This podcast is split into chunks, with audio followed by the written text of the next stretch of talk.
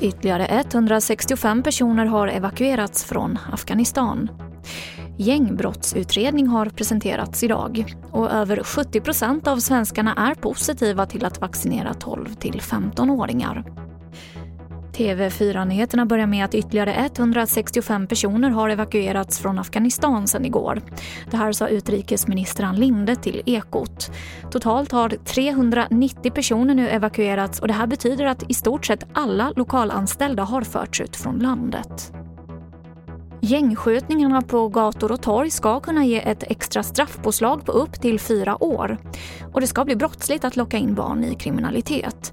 Det här föreslår regeringens gängbrottsutredning som justitie och migrationsminister Morgan Johansson precis tagit emot.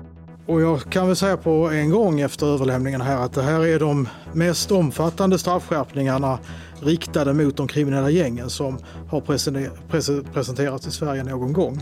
Och eh, det behövs ju sannoliken när vi har sett den utvecklingen som vi har sett. Över 70 procent av svenskarna är positiva till att vaccinera 12 till 15-åringar. Det här visar en SIFO-undersökning som TV4 Nyheterna beställt. Men statsepidemiologen Anders Tegnell tycker att det är för tidigt för att fatta ett beslut om att även yngre ska få vaccin. Man måste ändå titta på biverkningssidan, speciellt när det gäller barn eftersom de så extremt sällan blir allvarligt sjuka. Eh, och då blir det väldigt viktigt att man kan känna sig helt och hållet säker på att det, att det finns väldigt få eller åtminstone väldigt lindriga biverkningar. Och vi avslutar med att Liberalernas partiledare Nyamko Sabuni höll sitt sommartal i förmiddags där hon fokuserade på situationen i utsatta områden. Hon tog bland annat upp de kriminellas våld i utsatta områden och hon vill att flera problem kartläggs för att kunna återta kontrollen i de områdena.